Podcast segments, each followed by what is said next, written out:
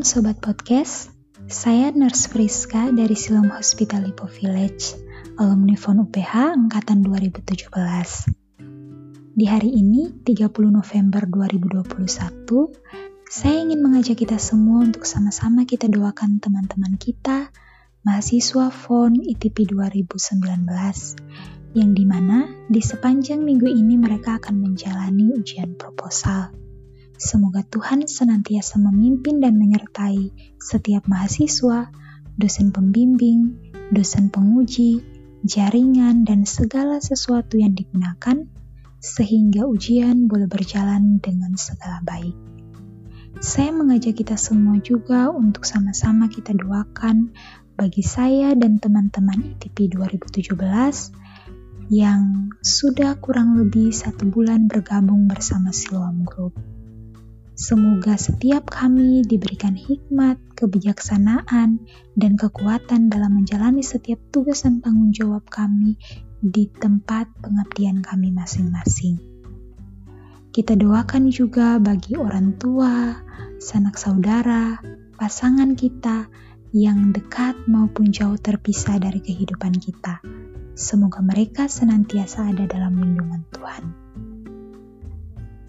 Sobat Podcast, di Simple Sermon Podcast hari ini, kita akan sama-sama mendengar dan merenungkan firman Tuhan yang terambil dari 2 Petrus 2 ayat 1 sampai ayatnya yang ke-22.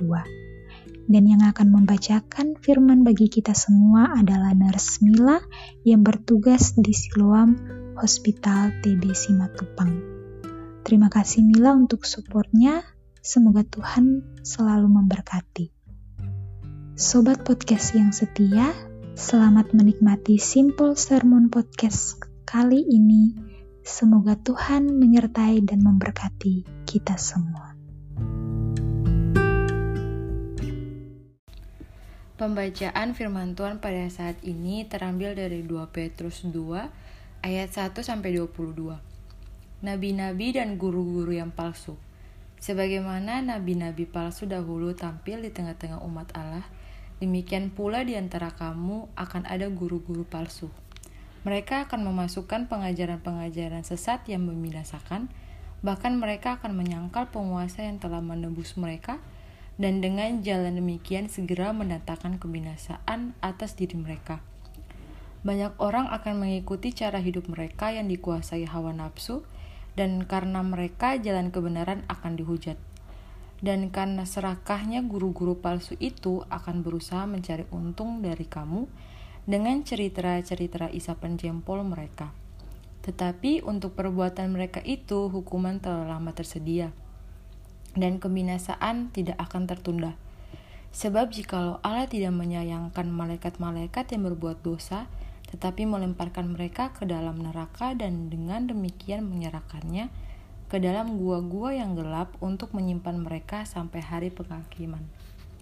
Dan jikalau Allah tidak menyayangkan dunia purba, tetapi hanya menyelamatkan Nuh, pemberita kebenaran itu, dengan tujuh orang lain ketika ia mendatangkan air bah atas dunia orang-orang yang fasik, dan jikalau Allah membinasakan kota Sodom dan Gomora dengan api, dan dengan demikian memusnahkannya dan menjadikannya suatu peringatan untuk mereka yang hidup fasik, di masa-masa kemudian.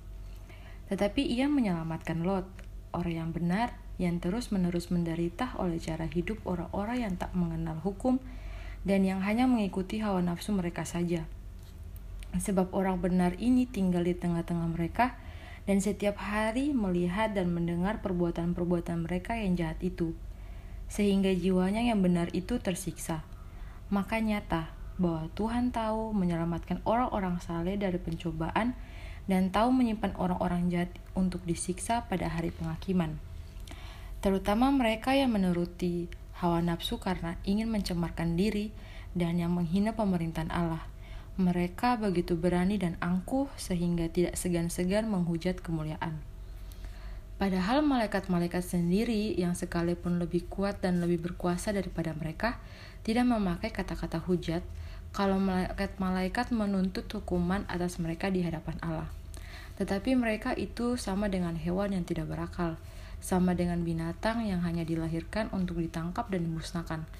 Mereka menghujat apa yang tidak mereka ketahui, sehingga oleh perbuatan mereka yang jahat, mereka sendiri akan binasa seperti binatang liar, dan akan mengalami nasib yang buruk sebagai upah kejahatan mereka.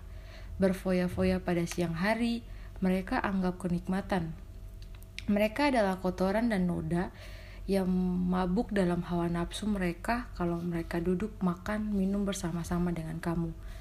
Maka mereka penuh nafsu sinah dan mereka tidak pernah jemu berbuat dosa. Mereka memikat orang-orang yang lemah, hati mereka telah terlatih dalam keserakahan. Mereka adalah orang-orang yang terkutuk.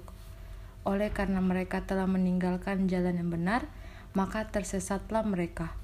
Lalu mengikuti jalan Bileam, anak Beor, yang suka menerima upah untuk perbuatan-perbuatan yang jahat. Tetapi Bileam beroleh peringatan keras untuk kejahatannya Sebab keledai beban yang bisu berbicara dengan suara manusia dan mencegah kebebalan nabi itu. Guru-guru palsu itu adalah seperti mata air yang kering, seperti kabut yang dihalaukan taufan. Bagi mereka telah tersedia tempat dalam kegelapan yang paling dahsyat, sebab mereka mengucapkan kata-kata yang congkak dan hampa, dan mempergunakan hawa nafsu cabul untuk memikat orang-orang yang baru saja melepaskan diri dari mereka yang hidup dalam kesesatan.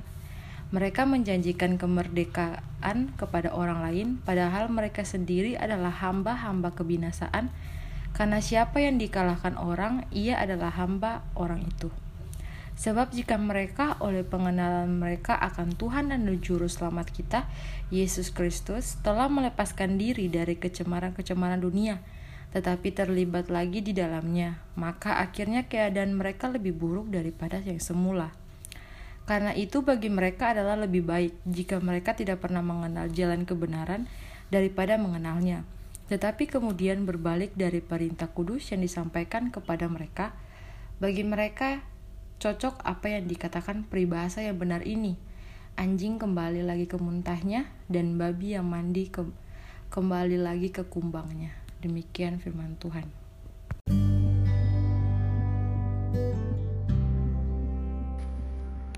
Terima kasih kepada Nurse Friska dan Nurse Mila. Tuhan memberkati kehidupanmu dan pekerjaanmu sebagai perawat di Rumah Sakit Siloam.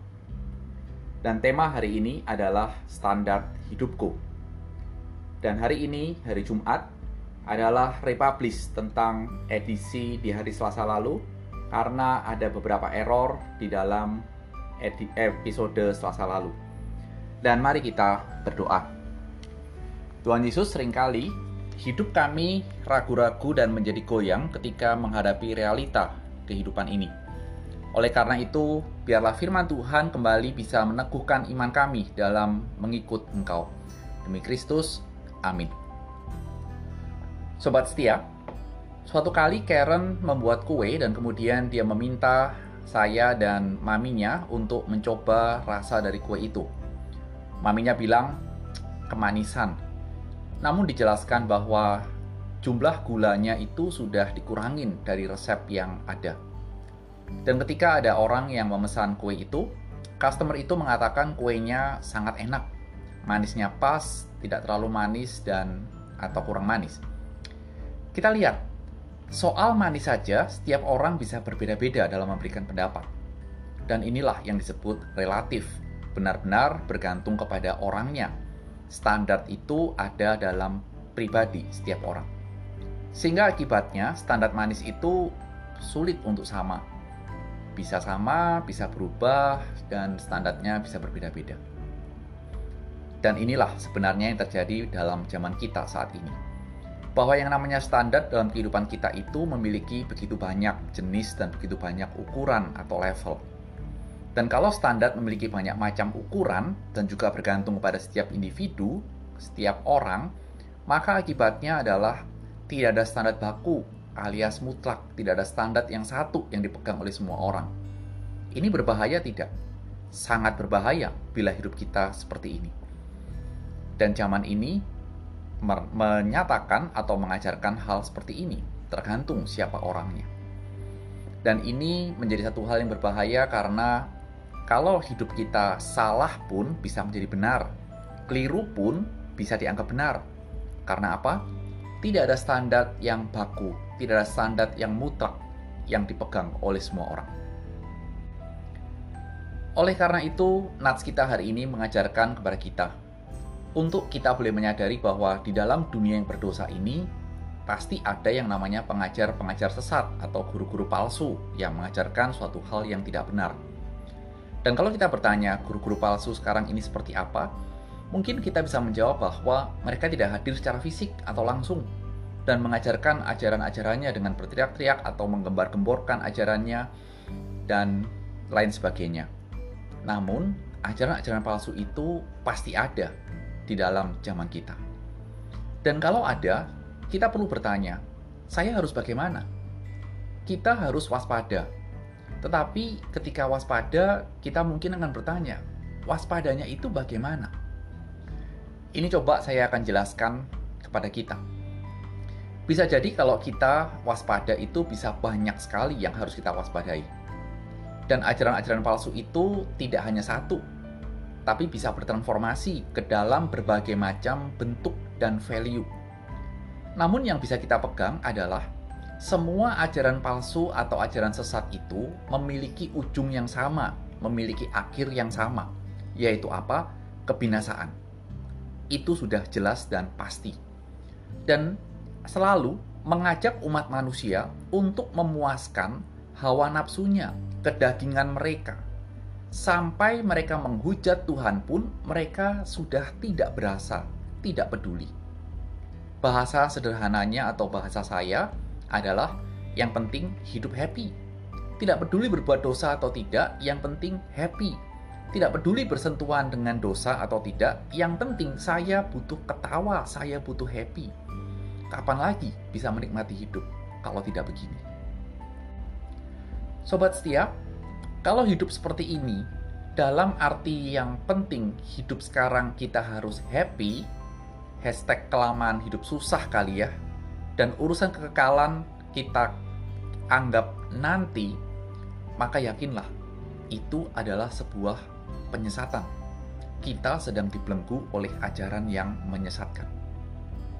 Dan dalam menghadapi semuanya ini, saya mengajak kita untuk menyadari bahwa kita harus memiliki sebuah pegangan standar dalam hidup ini supaya hidup kita tidak terseret secara pelan, pelan, pelan, pelan oleh arus ajaran-ajaran sesat yang ada dalam dunia ini.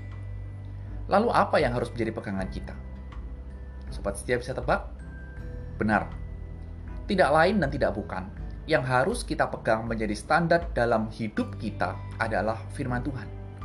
Karena firman Tuhan tidak pernah menjerumuskan hidupmu dan hidupku menuju kebinasaan tetapi firman Tuhan menuntun dan memberikan kepada kita ketentraman dan kedamaian. Bacalah firman Tuhan.